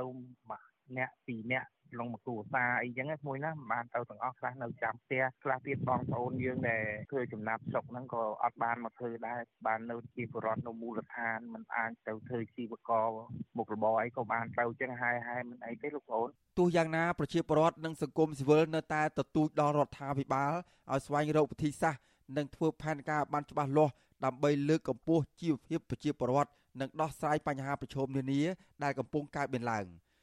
ជុំវិញរឿងនេះ នាយកទទួលបន្ទុកកិច្ចការទូតនៃអង្គការលីកាដូលោកអមសំអាតមើលឃើញថា នៅខេត្តតាមព្រំដែនដែលសម្បូរទៅដោយប្រជាពលរដ្ឋចំណាក់ស្រុកហើយរដូវបុណ្យភ្ជុំបិណ្ឌមិនសូវមានពលរដ្ឋត្រឡប់មកវិញពីប្រទេសថៃនោះឡើយលោកបន្តថាប្រជាពលរដ្ឋនៅតាមទីជនបទភ ieck ច្រើន មានជីវភាពខ្វះខាត ក្រោយពីវិបត្តិជំងឺ Covid-19 កសិផលមានតម្លៃថោក និងមានពលរដ្ឋខ្លះនៅមានការបារម្ភពីជំងឺ Covid-19 នាំឲ្យពុំសូវមានមនុស្សច្រើនទៅធ្វើបុណ្យនៅតាមទីវត្តអារាមបញ្ហាដែលសំខាន់នោះគឺបញ្ហាសេដ្ឋកិច្ចរបស់ពួកគាត់ទីតកតទៅនឹងបញ្ហាចំណាក់ស្រោចហើយនឹងបញ្ហាប្រកបរបរផ្សេងផ្សេងទៀតនៅក្នុងអញ្ចឹងបើសិនជាចប់វិបត្តិ COVID-19 នេះរាជរដ្ឋាភិបាលពង្រឹងឡើងវិញនៅសេដ្ឋកិច្ចនៅក្នុងប្រទេសជាពិសេសគឺផលិតផលកសិផលឲ្យមានតម្លៃទីផ្សារហើយមានការងារនៅក្នុង ស្រុកច្រើនអានោះគឺអាចនឹងមានមនុស្សច្រើនដើម្បីនៅចូលរួមពិធីបុណ្យផ្សេងផ្សេងឬក៏មានមនុស្សច្រើននៅក្នុងមូលដ្ឋានឬក៏ភូមិរបស់គាត់នឹងដែលអាចឲ្យប្រជាពលរដ្ឋនឹងប្រកបមុខរបរផ្សេងផ្សេងដូចជាការលក់នំបញ្ចុកនំអីនេះវាមានការដាច់ញ៉ាយសង្គមស៊ីវិលយល់ឃើញថារដ្ឋាភិបាលគួរមានផែនការពង្រឹងសេដ្ឋកិច្ចរបស់ប្រជាពលរដ្ឋទៅតាមមូលដ្ឋានដោយបង្កើតការងាររកទីផ្សារលក់កសិផល ដើម្បីជួយឲ្យប្រជាពលរដ្ឋមានជីវភាពប្រសើរឡើងជៀសវាងការធ្វើចំណាកស្រុកទៅប្រទេសជិតខាងខ្ញុំបាទសេកបណ្ឌិតវិទ្យុអាស៊ីសេរីពីរដ្ឋធានីវ៉ាស៊ីនតោនអាស៊ីសេរីបានលោកនៅនាងជាទីមត្រីសហមេធាវីការពីក្តីអតីតប្រមុខរដ្ឋនៃរបបកម្ពុជាប្រជាធិបតេយ្យឬរបបខ្មែរក្រហមចាត់ទុកការសម្ដែងផ្ដន់ទាទល់ខៀវសំផនអស់មួយជីវិតរបស់សាលាដំបងនិងតុលាការកំពូលនៃសាលាក្តីខ្មែរក្រហមកន្លងមកថាជារឿងអយុត្តិធម៌ ហើយមានចរិតនយោបាយការលើកឡើងនេះស្របពេលដែលតឡាការកំពូលនៃសាលាក្តីខ្មែរក្រហមត្រៀមនឹងចេញសាលដីកាចុងក្រោយលើបណ្ដឹងចំទាស់របស់លោកខៀវសំផននៅថ្ងៃប្រហោះខាងមុខនេះបាទលោកនាងនៅមកស្ដាប់បទសម្ភាសន៍អំពីរឿងនេះនៅពេលបន្តិចទៀតនេះបាទសូមអរគុណបាទលោកនាងជាទីមត្រីអញ្ញាធោថ្នាក់ក្រមជាតាមដារាជធានីខេត្តចាប់ផ្ដើមបើកយុទ្ធនាការបង្ក្រាបលបាយស៊ីសងខុសច្បាប់បន្ទាប់ពីមានបញ្ជាពីនាយករដ្ឋមន្ត្រីហ៊ុនសែនមន្ត្រីអង្គការសង្គមស៊ីវិល យល់ឃើញថាអាញាធោថ្នាក់ក្រោមគួរតែអនុវត្តទូនីតិនិងច្បាប់ឲ្យបានត្រឹមត្រូវដោយមិនត្រូវរងចាំស្ដាប់តែបញ្ជាពីថ្នាក់លើនោះទេបើមិនដូច្នោះទេមិនអាចដោះស្រាយបញ្ហានេះឲ្យមានប្រសិទ្ធភាពបានទេ បាទពីទីក្រុងមែលប៊នប្រទេសអូស្ត្រាលីលោកថាថៃរាយការណ៍ព័ត៌មាននេះក្រោយមានបទបញ្ជាពីលោកនាយករដ្ឋមន្ត្រីហ៊ុនសែនភ្លាមអភិបាលរាជធានីខេត្តទូទាំងប្រទេសមិនបងអង្គយូរឡើយដោយចាប់ផ្ដើមបើកកិច្ចប្រជុំបន្ទាន់ជាមួយអាជ្ញាធរពាក់ព័ន្ធ ដើម្បីចាត់វិធានការចុះបង្ក្រាបទីតាំងលបែងស៊ីសងខុសច្បាប់គ្រប់ប្រភេទដែលពួកគេធ្លាប់មើលរំលងនោះដើម្បីផ្គប់ចិត្តលោកហ៊ុនសែនអ្នកនាំពាក្យនៃស្នងការដ្ឋាននគរបាលរាជធានីភ្នំពេញលោកសានសុកសីហាប្រាប់វិទ្យុអាស៊ីសេរីនៅថ្ងៃទី18ខែកញ្ញាថាយុទ្ធនាការបង្ក្រាបលបែងស៊ីសងខុសច្បាប់នៅក្រុងភ្នំពេញគិតត្រឹមយប់ថ្ងៃទី17ខែកញ្ញានោះគឺអាជ្ញាធរបង្ក្រាបបាន28ទីតាំងនិងឃាត់ខ្លួនមនុស្សចំនួន52នាក់ លោកបញ្ជាក់ថាមនុស្សដែលអាជ្ញាធរឃាត់ខ្លួននោះគឺជាអ្នកដែលស្ថិតក្នុងរង្វង់ទីតាំងលបែងរួមមានម្ចាស់ទីតាំងមេការនិងអ្នកលេងជាដើមហើយអាជ្ញាធរកំពុងស៊ូនាំដើម្បីបញ្ជូនពួកគេទៅបន្តនីតិវិធីនៅតុលាការលោកអះអាងថាអាជ្ញាធរកំពុងចុះបង្ក្រាបជាបន្តបន្ទាប់ទៀតហើយមិនមែនទើបតែចុះបង្ក្រាបថ្មីថ្មីនេះក្រោយមានបទបញ្ជាពីលោកនាយករដ្ឋមន្ត្រីហ៊ុនសែននោះទេ ចំពោះរាជធានីភ្នំពេញយើងមិនមែនថាមិនបានអនុវត្តទេដោយបងឃើញស្រាប់ហើយគឺការអនុវត្តគឺយើងមានជាប្រចាំអញ្ចឹងជាបន្តបន្តតែយើងគ្រាន់ថាកន្លែងមួយចំនួនមានន័យថាជាការលួចលាក់មានន័យថានៅពេលដែលយើងទទួលព័ត៌មានភ្លាមនៅពេលយើងឆ្មក់ចោះទៅវាអត់មានការលែងមានអីអីទេអញ្ចឹងណាអញ្ចឹងមានន័យថាដល់យើងរៀបកម្លាំងឲ្យច្បាស់ច្បាស់លាស់ក្នុងការអនុវត្តចឹងយើងដូចទទួលបានលទ្ធផលដូចយើងអនុវត្តសមអញ្ចឹងមានន័យថាពីមុនមុនមកយើងមកក្រាបបានបន្តបន្តដូចគ្នាអញ្ចឹងណាតែលើកនេះយើងដាក់យុទ្ធនាការធំហ្នឹងមានន័យយើងអាចមានលទ្ធផលផងបានច្រើនបាទក្រៅពីនៅរាជធានីភ្នំពេញអាជ្ញាធរខេត្តផ្សេងផ្សេងក៏ចុះបង្ក្រាបលបែងស៊ីសងខុសច្បាប់ដែរនៅឯខេត្តរតនគិរីរយៈពេល2ថ្ងៃអាជ្ញាធរបានចុះបង្ក្រាបលបែងស៊ីសងឆ្នោតលូតូអេឡិចត្រូនិកជលមន់ភ្នាល់បាល់អនឡាញចំនួន9ទីតាំងព្រមទាំងធ្វើកិច្ចសន្យាអប់រំម្ចាស់ផ្ទះនិងម្ចាស់អាជីវកម្មឲ្យបញ្ឈប់លបែងបែបនេះទៀតការចុះប្រតិបត្តិការបង្ក្រាបលបែងស៊ីសងខុសច្បាប់គូក្រឹកគូក្រែងនេះធ្វើឡើងក្រោយពីលោកនាយករដ្ឋមន្ត្រីហ៊ុនសែន បានគម្រាមដកតំណែងអភិបាលខេត្តក្រុងស្រុកខណ្ឌនិងថ្នាក់ដឹកនាំមានសមត្ថកិច្ចចេញពីតំណែងប្រសិនបើរកឃើញថាពួកគេមិនទទួលខុសត្រូវលើទូនាទីលុបបំបាត់លបែងស៊ីសងខុសច្បាប់ឲ្យអស់ពីដែនសមត្ថកិច្ចរបស់ខ្លួន កន្លែងលេងលបែងមួយចំនួន មិនមែនមន្ត្រីមូលដ្ឋាន មិនដឹងនោះទេ ទាំងកម្លាំងនគរបាលឬអាវុធហត្ថឬមន្ត្រីរដ្ឋបាលរបស់យើងក៏ប៉ុន្តែបញ្ហាស្ថិតនៅត្រង់ថាអស់លោកមានឆន្ទៈធ្វើឬមិនធ្វើឬក៏កន្លែងនោះ ជាទីកន្លែងនៃការរកប្រាក់របស់អស់លោកប្រជាពលរដ្ឋនិងសង្គមស៊ីវិលបានរិះគន់នឹងត្អូញត្អែជាយូរមកហើយចំពោះបញ្ហាលបែងស៊ីសងជាច្រើនប្រភេទដូចជាលបែងជលមន់ភ្នាល់បាល់តាមអនឡាញលូតូឆ្នោតនិងបៀដែលរីកសាយភាយនៅទូទាំងប្រទេសអាញាធរថ្នាក់ក្រោមខ្លះឆ្លើយការពីថាមិនមានលបែងស៊ីសងខុសច្បាប់ក្នុងដែនសមត្ថកិច្ចរបស់ខ្លួននោះទេហើយអាញាធរខ្លះឆ្លើយតបថាពួកគាត់ក៏មិនគាំទ្រមានលបែងស៊ីសងនេះដែរ ប៉ុន្តែមិនហ៊ានចុះបង្ក្រាបព្រោះអាជ្ញាធរថ្នាក់លើជាអ្នកចេញអាជ្ញាប័ណ្ណដល់ម្ចាស់អាជីវកម្មលបែងប្រធានមជ្ឈមណ្ឌលប្រជាពលរដ្ឋដើម្បីអភិវឌ្ឍនិងសន្តិភាពលោកយ៉ងកំឯងថ្លែងថាមូលហេតុដែលអាជ្ញាធរថ្នាក់ក្រោមអនុវត្តទូនាទីទាល់តែមានបញ្ជាពីថ្នាក់លើនោះអាចដោយសារជាទម្លាប់ផងខ្វះការគ្រប់គ្រងពីថ្នាក់លើផងអំពើពុករលួយផងខ្លះទៀតខ្លាចប៉ះពាល់ទូនាទីដោយសារទីតាំងលបែងស៊ីសងទាំងនោះមានអ្នកធំកាងពីក្រោយលោកយល់ថារដ្ឋាភិបាល គួរតែកែតម្រង់ធ្វើយ៉ាងណាឲ្យអាជ្ញាធរថ្នាក់ក្រោមបំពេញទូនាទីរបស់ខ្លួនឲ្យបានត្រឹមត្រូវតាមរយៈការលុបបំបាត់អំពើពុករលួយនិងលើកទឹកចិត្តដល់មន្ត្រីល្អហើយដាក់ទោសទណ្ឌលើមន្ត្រីប្រព្រឹត្តខុសជាដើមមន្ត្រីសង្គមស៊ីវិលរូបនេះយល់ថាប្រសិនបើមន្ត្រីថ្នាក់ក្រោម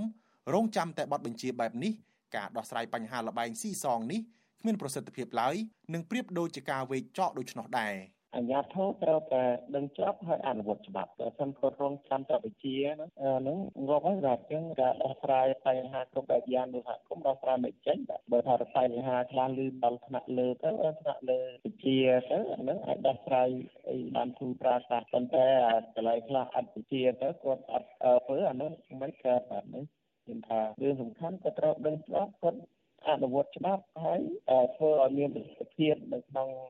ដែនដីដែលគាត់គ្រប់គ្រងបាទហ្នឹងខ្ញុំថារឿងដែលដែលល្អដែលចាំបាច់បើសិនតែគាត់រងចាំតែវិជាអញ្ចឹងហ្នឹងតែជាងបរួមរដ្ឋបាលកុំឲ្យធំពេកពលមន្ត្រីនៅថ្នាក់ក្រោមហ្នឹងក៏ច្រើនដែរបាទនេះមិនមែនជាលើកទី1ទេដែលអាជ្ញាធរចាំតែអនុវត្តបទបញ្ជារបស់លោកហ៊ុនសែនទាំងដែលពួកគេបានឃើញបទល្មើសហើយក៏ដោយ នាយកប្រតិបត្តិនៃអង្គការសម្ព័ន្ធគណនេយ្យភាពសង្គមកម្ពុជាលោកសនជ័យសង្កេតឃើញថា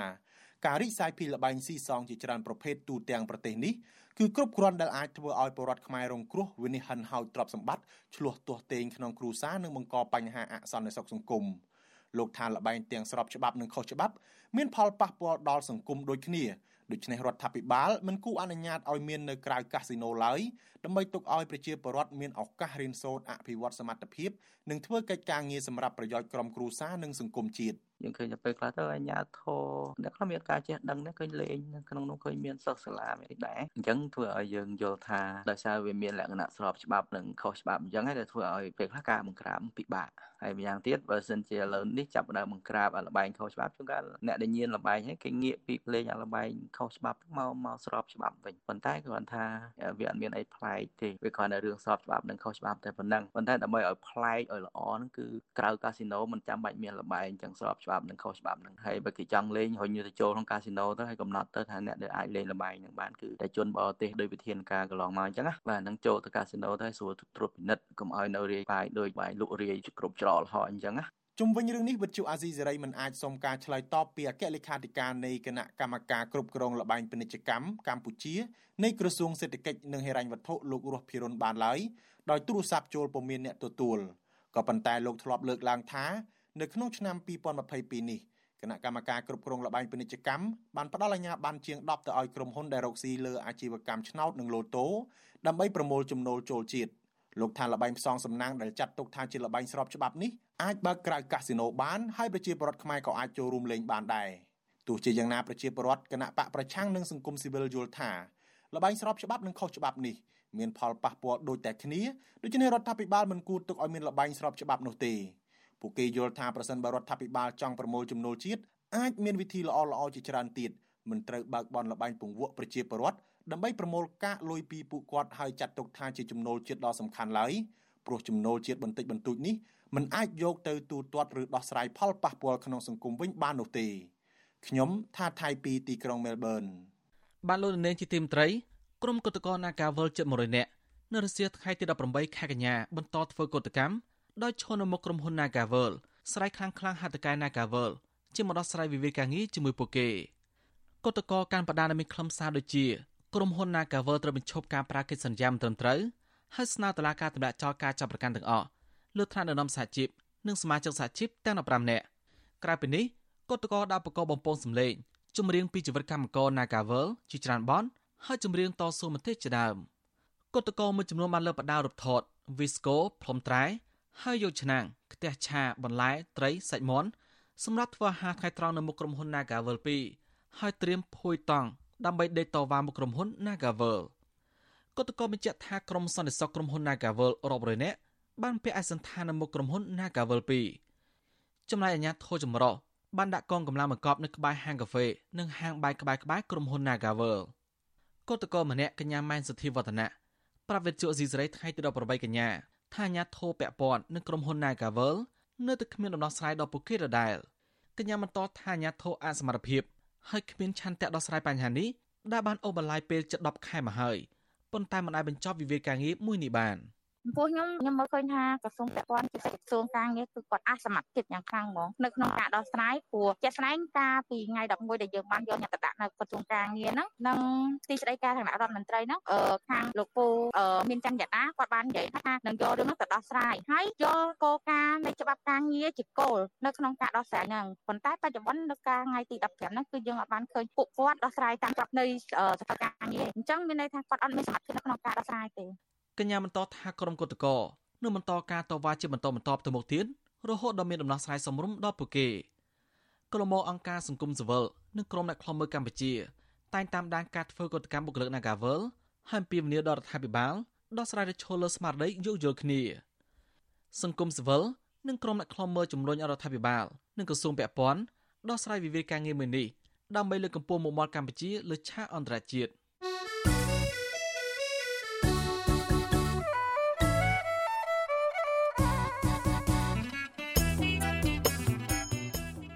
បាទលោកនៅនាងជាទីមត្រីក្រៅពីតាមដានកម្មវិធីផ្សាយរបស់វិទ្យុអាស៊ីសេរីតាមបណ្ដាញសង្គម Facebook YouTube Telegram លោកនៅនាងក៏អាចតាមដានកម្មវិធីផ្សាយរបស់យើងតាមបណ្ដាញសង្គម Instagram របស់វិទ្យុអាស៊ីសេរីតាមរយៈតំណ link instagram.com/ofa ខ្មែរវិទ្យុអាស៊ីសេរីបន្តខិតខំផ្សព្វផ្សាយព័ត៌មានពិតទៅកាន់បងប្អូនតាមរយៈបណ្ដាញសង្គមផ្សេងៗនិងសម្បូរបែបដើម្បីឲ្យលោកអ្នកនាងងាយស្រួលតាមដានការផ្សាយរបស់វិទ្យុអាស៊ីសេរីគ្រប់ពេលវេលានិងគ្រប់ទីកន្លែងតាមរយៈទូរស័ព្ទដៃរបស់លោកអ្នកនាង បាទសូមអរគុណ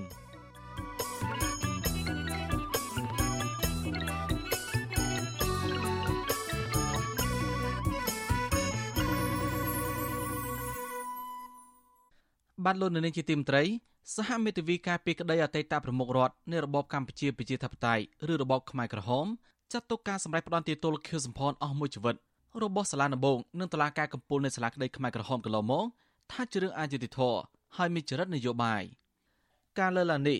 ស្របពេលដែលតុលាការកំពូលនៃសាលាក្តីខ្មែរក្រហមត្រៀមបញ្ចេញសារដីកាលើបណ្ដឹងចំទាស់របស់លោកខៀវសំផនក្នុងសំណុំរឿង002វគ្គ2ស្ដីពីអក្រិតកម្មប្រឆាំងរដ្ឋជាតិឧក្រិដ្ឋកម្មសង្គ្រាមនៅអំពើបល័យពុយសានៅថ្ងៃប្រហោះខមុនេះមេធាវីលោកខៀវសំផនគឺលោកកុងសំអនចោទថាការផ្ដន់ទាទោសគុំក្តីរបស់លោកមានចរិតនយោបាយច្រើនជាងទស្សនវិជ្ជាច្បាប់ដោយសារតឡាការររះចុះបញ្ចប់ក្តីនេះមុនពេលលោកខៀវសំផនស្លាប់បាត់បង់ជីវិតបាទសូមអញ្ជើញលោកនាង ស្ដាប់បទសម្ភាសន៍របស់លោកជីវិតាជាមួយលោកគង់សំអនដូចតទៅខ្ញុំសូមជម្រាបសួរលោកមេធាវីគង់សំអនបាទបាទជម្រាបសួរបាទលោកជាមេធាវីការពារក្តីឲ្យលោកខៀវសំផនជាយូរឆ្នាំមកហើយនៅសាលាក្តីខ្មែរក្រហមហើយនៅថ្ងៃទី22ខែកញ្ញា ឆ្នាំ2022ខាងមុខនេះតុលាការកំពូលនៃសាលាក្តីខ្មែរក្រហមនឹងនឹងចេញសាលដីកាចុងក្រោយ ឆ្លើយតបនឹងការប្តឹងឧទ្ធររបស់លោកខៀវសំផនតើលោករំពឹងថាសាលដីការបស់តុលាការកំពូលសាលាក្តីខ្មែរក្រហមនេះនឹងចេញយ៉ាងម៉េចដែរបាទបាទសូមអរគុណការពិតទៅយើងដូចជាមានសង្ឃឹមអីច្រើនទេពីព្រោះតឡាការកម្ពុជានេះហាក់កំពុងតែប្រើនៅមធ្យោបាយឬក៏របៀបដូចសាលាដំបងជាងដែរគឺចេញសេចក្តីសម្រេចបែបសង្ខេបលើកទីដំបូងហើយបានចេញសេចក្តីសម្រេចបែបពិស្ដារជាក្រោយ នេះក៏ជាផ្នែកមួយនៃការជំទាស់របស់យើងនៅក្នុងសាលាដំបងកន្លងមកដែរ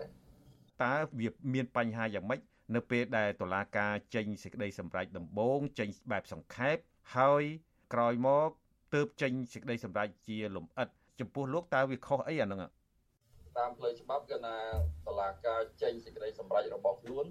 វាត្រូវតែអមជាមួយនឹងហេតុផលណាបែរថាហេតុផលអីដែលនាំឲ្យមានសេចក្តីសម្រេច តែអ្វីដែលសាលាការស្មៅខំអនុវត្តកន្លងមកនេះចេញសេចក្តីសម្រេចហើយប៉ុន្តែហេតុផលដើម្បីគ្រប់គ្រងសេចក្តីសម្រេចនេះអត់ពិស្ដារទេអត់មានលម្អិតទេនៅរហូតដល់ពេលមួយទៀតពេលមួយទៀតប្រហែលរយៈពេលប្រមាណក្រោយពីចេញទី1ហ្នឹងដូចជាច្រើនខែដែរអញ្ចឹងអានេះវាអាចធ្វើឲ្យប៉ះពាល់ដល់សិទ្ធិរបស់លោកជាសម្ផស្សច្បាប់របស់យើងបានកំណត់ថាបើតឡាការមិនអាចទាន់មានសម្អាងខាត់គ្រប់គ្រាន់នៅពេលហ្នឹងទេគឺមិនមិនគួរទាន់ចេញសេចក្តីសម្រេចឬក៏ សាលិកាឬសាលក្រមរបស់ខ្លួនមកពេលហ្នឹងទេរហូតដល់ខ្លួនអាចបង្ហាញគ្រប់គ្រាន់អំពីអង្គហេតុនិងអង្គច្បាប់សម្រាប់គ្រប់គ្រងសេចក្តីសម្រេចរបស់ខ្លួនអាហ្នឹងចាំចេញសេចក្តីសម្រាប់យើងចេញសារក្រមនឹងតែម្ដងទៅចេញសារដីកានឹងទៅតើអ្វីដែលលោកចង់បានវិញវាតាមលទ្ធភាពផ្លូវច្បាប់វាអាចមាននីតិវិធីសាររើមួយទៀតក៏ប៉ុន្តែវាគ្រាន់តែជាទ្រឹស្ដីវាការអនុវត្តវាអាចពិបាកបាទអញ្ចឹងយើងអ្វីដែលយើងចង់បានគឺថានៅពេលដែលតឡាការចេញសេចក្តីសម្រេចគឺត្រូវតែមានអង្គហេតុអង្គច្បាប់សម្រាប់គ្រប់គ្រងសេចក្តីសម្រេចរបស់ខ្លួន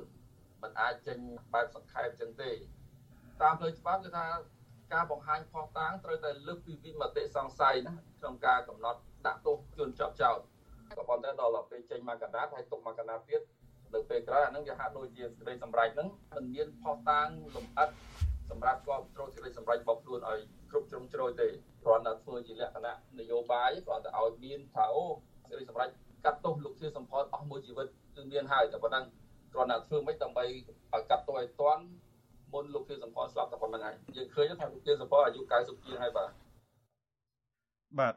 តាំងពីដំបូងទីរហូតមកដល់ពេលនេះលោកខៀវសំផនបានប្រកែកទាំងអស់នៅការចោតប្រកាន់ទៅលើគាត់ មានការចោតប្រកាន់អំពី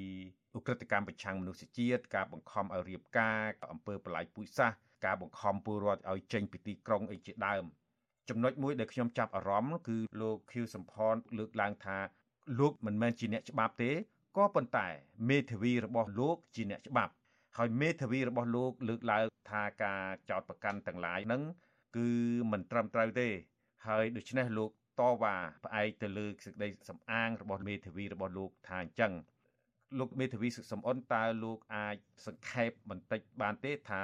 មានចំណុចណាខ្លះទៀតក្រៅពីនីតិវិធីលើកឡើងបាញ់មិញដែលតឡាការចោតប្រកាន់ទៅលោកខៀវសំផននឹងមិនត្រឹមត្រូវបាទតកតងទៅនឹងអង្គហេតុចោតប្រកាន់នេះយើងឃើញថាលោកខៀវសំផននៅឆ្ងាយពីការទទួលខុសត្រូវនៅក្នុងអង្គើទាំងឡាយដែលបានចោតនឹង ពីព្រោះលោកខៀវសំផនយើងឃើញគាត់គ្មានអំណាចនៅក្នុងសេចក្តីសម្រេចទេបែរថាគាត់មិនមែនជាបុគ្គលដែលចេញសេចក្តីសម្រេចទៅលើគោលនយោបាយណាមួយហើយក៏គាត់មិនបានចូលរួមក្នុងការធ្វើសេចក្តីសម្រេចនៅក្នុងគោលនយោបាយជាអ ுக ្រិតកម្មណាមួយដែរអញ្ចឹងការងារទទួលខុសត្រូវរបស់លោកខៀវសំផនហ្នឹងវាមិនមានលក្ខណៈបង្ហាញអំពីវិរុទ្ធភាពទេក៏ប៉ុន្តែអ្វីដែលយើងឃើញជាទូទៅគឺថាអង្គើត្រូវបានកាត់ឡើង ហើយអ្វីដែលសំខាន់នោះគឺតឡាការត្រូវរកអ្នកទទួលខុសត្រូវហើយអ្វីដែលនៅសល់គឺមានតែលោកជាសុផលម្នាក់ទេរហូតដល់ពេលនេះក្នុងចំណោមដែលគេមើលឃើញថាជាអ្នកដឹកនាំជាន់ខ្ពស់នោះក៏ប៉ុន្តែជាក់ស្ដែងលោកជាសំផលគ្មានអង្គហេតុណា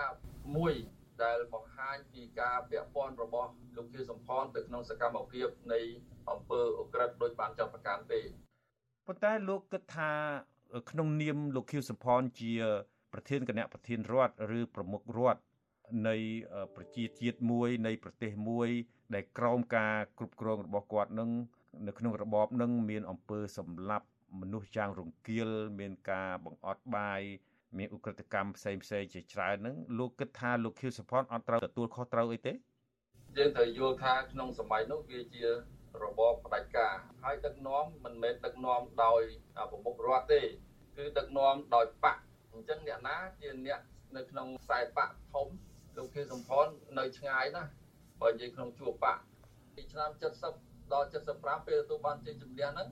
លោកខៀវសំផនក៏បានចូលរួមជាមួយនៅក្នុងក្រុមខ្មែរក្រហមប៉ុន្តែលោកគ្រាន់តែជាសមាជិកមជ្ឈិមម្នាក់ត្រៀមមិនទាន់បានពេញសិទ្ធិផងអញ្ចឹងក្នុងសមាជិកមជ្ឈិមនោះមានច្រើនអ្នកហើយមិនមែនជាសមាជិកអចិន្ត្រៃយ៍ទេហើយនយោបាយគោលនយោបាយដែលដឹកនាំដោយ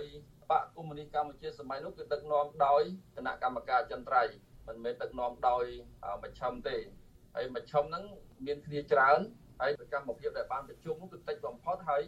មិនបានចេញសេចក្តីសម្រេចអីទេមែនទេសេចក្តីសម្រេចគោលនយោបាយចេញពីអចិន្ត្រៃយ៍ហើយយកទៅឲ្យផ្សព្វផ្សាយទៅមជ្ឈិមបកហ្នឹងគ្រាន់តែជាកន្លែងដូចជាថ្នាលពង្រៀនឲ្យយល់ពីបន្តនយោបាយអញ្ចឹងបាទ ហើយលោកខៀវសំផនសម័យហ្នឹងគឺគាត់មិនបានទាំងជាសមាជិកមជ្ឈិមផងរហូតដល់ចុងក្រោយបំផុតហើយបានគាត់បានខ្លាចជាសមាជិកមជ្ឈិមហ្នឹងដោយសារអីដោយសារគាត់ត្រូវជំនួសតំណែងជាប្រមុខរដ្ឋរបស់សម្ដេចនរោត្តមសីហនុពេលដែលទ្រង់លាលែងពីប្រមុខរដ្ឋរបស់កម្ពុជាប្រជាធិបតេយ្យតែទោះជាយ៉ាងណាក៏ដោយក្រោយពីលោកខៀវសុផនបានឡើងជំនួសសម្ដេចព្រះនរោត្តមសីហនុជាប្រមុខរដ្ឋនោះលោកខៀវសុផន គឺពេលនោះគឺមានតួនាទីហើយដូច្នេះរយៈពេលខ្លីឬវែងអីក៏គាត់មានតួនាទីមួយ គឺជា ប្រធានគណៈប្រធានរដ្ឋដែលគេប្រើនៅក្នុងសម័យនោះដែលស្មើនឹងប្រមុខរដ្ឋហើយអញ្ចឹងសាលាក្តីនេះក៏បានប្រើបទចោតមួយហៅថាសហឧក្រិដ្ឋកម្មរួមបើទោះជាគាត់មិនបានធ្វើអ្វីដោយផ្ទាល់ដៃឬក៏មិនបានដឹងឲ្យបានទូលំទូលាយក៏ក្នុងពេលនោះគាត់ជាមេដឹកនាំរដ្ឋមួយដែរ ហើយអញ្ចឹងហើយបានជាសាលាក្តី បានប្រើប្រាស់បទចោតនឹងសហឧក្រិដ្ឋកម្មរួមនឹងនេះជាចំណុចគោលមួយ សំខាន់ដែលថ្នាក់ដឹកនាំប្រទេសមួយអត់មានផុសតាងអីដែលគាត់បាន ប្រឹងប្រែងដើម្បីទប់ស្កាត់កុំឲ្យបញ្ហា ការសម្លាប់ក្តី ការអត់អាហារក្តី គឺការបណ្ដេញពលរដ្ឋចេញពីទីក្រុងអីហ្នឹងរហូតដល់មានការស្លាប់ច្រើនអីហ្នឹងគឺអត់មានសញ្ញាមួយនៃការដែលគាត់ប្រឹងប្រែងទប់ស្កាត់ណា អញ្ចឹងហើយបានជាសាលាក្តីនឹងបានប្រើប្រាស់បទចោទថាគាត់មានឈ្មោះនៅក្នុងការប្រព្រឹត្តសហឧក្រិដ្ឋកម្មរួមនេះតើលោកយល់ថាប៉ុណ្ណឹងស័កសមដែរទេបាទអឺអត់ទេពីព្រោះការប្រព្រឹត្តចូលរួមនៅក្នុងសហក្រិតកម្មរួមវាតតែបង្ហាញពីការគ្រប់គ្រងនយោបាយដែលគាត់ដឹងថាអាហ្នឹងគឺនយោបាយអក្រិតប៉ុន្តែសំខាន់លោកធាសំផនអត់មានផុសតាងបញ្ជាក់ពី ការពាក់ព័ន្ធរបស់គាត់នៅក្នុងការធ្វើសេចក្តីសម្រេចណាមួយទេអ្វីដែលតុលាការជឿនោះគឺទីវត្តមានរបស់លោកធាសំផននៅក្នុងពេលប្រជុំរបស់ប្រចាំឬក៏អចិន្ត្រៃយ៍ចឹងបាទក៏ប៉ុន្តែគ្មានផុសតាងណាដែលបញ្ជាក់ថាលោកធាសំផនបានបញ្ចេញយោបល់ឬក៏ធ្វើសេចក្តីសម្រេចទៅលើលទ្ធផលនៃការប្រជុំនឹងណាមួយទេអត់មានទេបាទគ្រាន់តែមានវត្តមាននឹងប្រជុំហើយអ្វីដែលជាផុសតាងបញ្ជាក់ ពីការប្រជុំរួមរបស់លោកខេសំផននឹងវាជាការហៅឲ្យចូលប្រជុំក្រៅផ្លូវការទេគ្រាន់តែគេចង់ឲ្យលោកខេសំផននឹងដឹងពីអ្វីដែលកើតឡើងដើម្បីឲ្យគាត់នឹងអាចជួបនិយាយជាមួយនឹងភ្ញៀវបរទេសអីជាដើមដើម្បីគាត់ដូចថាប្រាប់ដំណឹងគាត់ប៉ុន្តែគាត់អត់មានសិទ្ធិនៅក្នុងការធ្វើសេចក្តីសម្រេចប្រជុំផ្ដល់យោបល់ ថាត្រូវធ្វើម៉េចឬមិនធ្វើម៉េចឬក៏បោះឆ្នោតអីនៅក្នុងនោះគឺអត់មានទេពីព្រោះអីពីព្រោះលោកខៀវសំផនមិនមែនជាសមាជិកអចិន្ត្រៃយ៍រហូតមកដល់ចុងបញ្ចប់ហ្នឹងក៏គាត់មិនមែនជាសមាជិកអចិន្ត្រៃយ៍ដែរប៉ុន្តែលោកលោកមេធាវីសំអនដោយខ្ញុំបានលើកឡើងអំបញ្ញមិញហ្នឹងបើទោះបីជាគាត់មិនបានចូលរួមក្នុងសកម្មភាពអ ுக ្រិតកម្មណាមួយជាក់ស្ដែងអីក៏ដោយក៏ប៉ុន្តែអ ுக ្រិតកម្មនឹងកើតឡើងច្រើនណាស់ហើយគេរកផុសតាងមិនឃើញថាលោកខៀវសំផន មានសកម្មភាពអីមួយដើម្បីជំទាស់ជាលីលាអសរជាផុសតាងឬក៏មានអ្នកណា ជាសាក់សីលើកឡើង ទី2ជាក់ស្ដែងលោកខៀវសុផនអត់បានលាលែងទេខណៈបញ្ហាជាច្រើនអ ுக ្រិតកម្មកំពុងកើតច្រើនក្នុងសម័យនោះប៉ុន្តែគាត់អត់ឃើញបង្ហាញការទទួលខុសត្រូវរបស់គាត់ដូចជាការលាលែងចេញអីជាដើមនេះដែលអាចជួយគាត់ឲ្យរួចផុតពីការចោទប្រកាន់នេះតើលោកឆ្លើយយ៉ាងម៉េចទៅបាទ រឿងរឿងរ៉ាវរបស់គាត់ផ្ទាល់គឺគាត់អត់ដឹងក្នុងសម័យនោះគឺថាការងារអ្នកណាអ្នកនៅដឹងគឺថាអ្នកណាធ្វើអ្នកនឹងទទួលខុសត្រូវណាអញ្ចឹងនៅក្នុងការគ្រប់គ្រងរបស់កម្ពុជាប្រជាធិបតេយ្យវាមិនមែនជាលក្ខណៈមួយទូទៅទេវាមានលក្ខណៈដោយឡែកអញ្ចឹងបើថាការងារគេគេដឹងចឹងគាត់អត់ដឹងផងហើយគាត់ទៅធ្វើមិនបើមិនជាគាត់ដឹងខ្ញុំជឿថាគាត់អាចចេញ នៅសេចក្តីថ្លែងការណ៍ណាមួយដើម្បីទប់ស្កាត់ឬដើម្បីប្រឆាំងទៅនឹងសកម្មភាពអស់ហ្នឹងហើយប៉ុន្តែបើគាត់ដឹងឲ្យគាត់ធ្វើមិនក៏ប៉ុន្តែអ្វីដែលតឡាការមួយឃើញនេះគឺថាដោយសារតែទូនីតិរបស់គាត់នឹងវាធំតែជាប្រមុខរដ្ឋហើយគាត់ត្រូវទទួលខុសត្រូវក៏ប៉ុន្តែគេអត់បានគិតថាការដឹកនាំរបស់កម្ពុជាប្រជាធិបតេយ្យសម័យនោះគឺដឹកនាំដោយបកនៅក្នុងគោលការណ៍ច្បាប់លោកដឹងស្រាប់ហើយលោកជាមេធាវី បើសិនជាគាត់មិនបានចូលរួមក្តីប្រសិនបើគាត់មិនបានបញ្ជាក្តីប៉ុន្តែដោយសារស្ថានភាពនៅពេលនោះគេដឹងទូលំទូលាយទូទៅដូច្នេះបុគ្គលម្នាក់ដែលជាថ្នាក់ដឹកនាំគួរតែបានដឹងថាអង្គើអីមួយមិនត្រឹមត្រូវកើតឡើងដូច្នេះគោលការណ៍ច្បាប់ថាគួរតែបានដឹងតើលោកឆ្លើយយ៉ាងម៉េចដែរចំពោះលោកខៀវសំផននោះបាទ វាមិនចឹងទាំងស្រុងទេការពិតក្នុងរឿងព្រមត្តនគេនិយាយអំពីការទទួលខុសត្រូវជាលក្ខណៈបុគ្គលបានន័យថាបុគ្គលណាប្រព្រឹត្តបុគ្គលនឹងទទួលខុសត្រូវហើយរឿងព្រមត្តនអាហ្នឹងជាជារួមនៃជារួមក្នុងករណីថាគាត់គួរតែដឹងគាត់គួរតែដឹងតាមការសន្និដ្ឋានណាបាទវាមិនវាអាចថាគាត់គាត់គួរតែដឹងក៏ប៉ុន្តែវាមិនមែនមានន័យថាគាត់អាចទ្រង់យានដឹងគ្រប់យ៉ាងទេដោយសារអីដោយសារតែការដឹង ឬមិនដឹងវាតតែមានការផ្សព្វផ្សាយជាសាធារណៈនៅក្នុងកម្រិតណាមួយហើយគាត់នៅតែមិនដឹងទៀតហ្នឹងបានអាចចាត់ទុកឲ្យគាត់ត្រូវតែដឹងបានក៏ប៉ុន្តែសម័យនោះគឺប្រព័ន្ធព័ត៌មានសាធារណៈវាអត់មានទេវាអត់មានផ្សាយពីរឿងកាប់សម្លាប់អីអញ្ចឹងអញ្ចឹងទេអញ្ចឹងវាអត់មានតម្រូវឲ្យគាត់ត្រូវទទួលខុសត្រូវថាគាត់ត្រូវតែដឹងបាទចំណុចដែលខ្ញុំលើកឡើងអំបញ្ញមិញនេះគឺវាតកតងទៅនឹងគោលការណ៍ខ្សែរយៈនៃការបញ្ជាថ្នាក់ក្រោមដល់ថ្នាក់លើហ្នឹង បើទោះបីជាមិនមានសារព័ត៌មានផ្សព្វផ្សាយដោយសម័យបច្ចុប្បន្នក៏ដោយ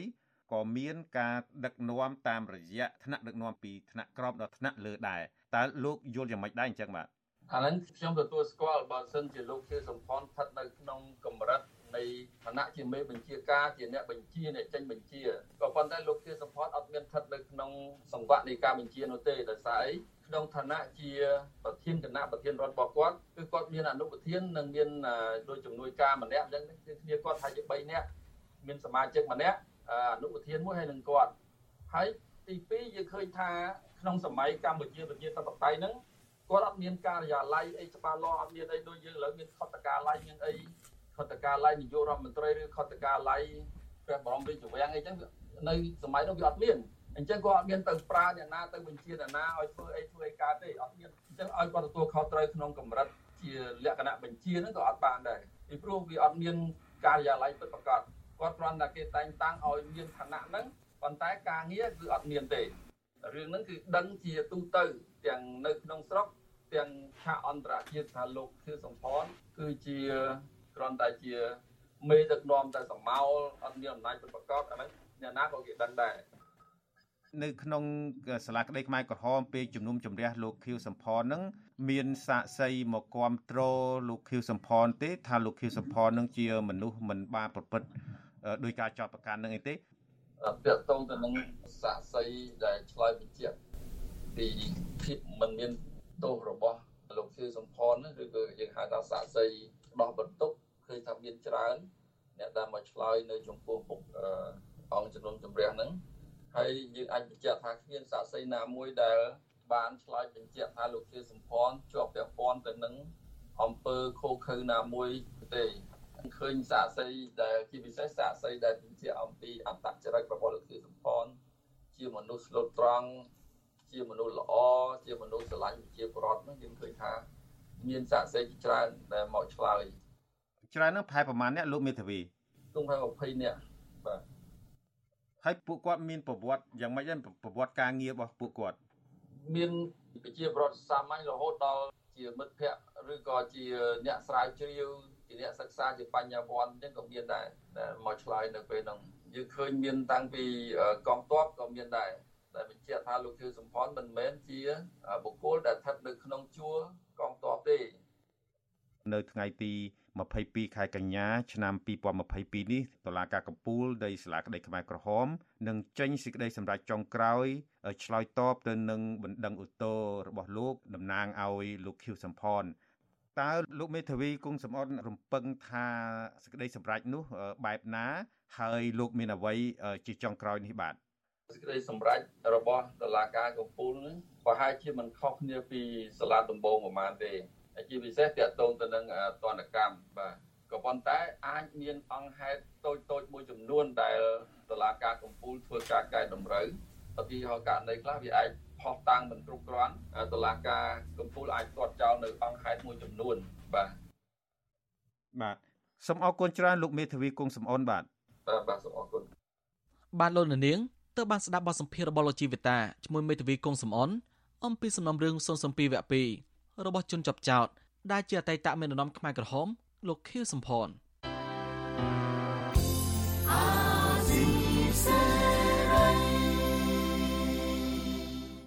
បានលោកនាងកញ្ញាអ្នកស្ដាប់វិទ្យុអាស៊ីសេរីជាទីមេត្រីការផ្សាយរយៈពេល1ម៉ោងនៃវិទ្យុអាស៊ីសេរីនៅពេលនេះចប់តែប៉ុណ្ណេះយើងខ្ញុំសូមជូនពរដល់លោកនាងព្រមទាំងក្រុមគ្រួសារទាំងអស់ឲ្យជួបប្រកបតែនឹងសេចក្តីសុខចម្រើនរុងរឿងកុំបីឃ្លៀងឃ្លាតឡើយ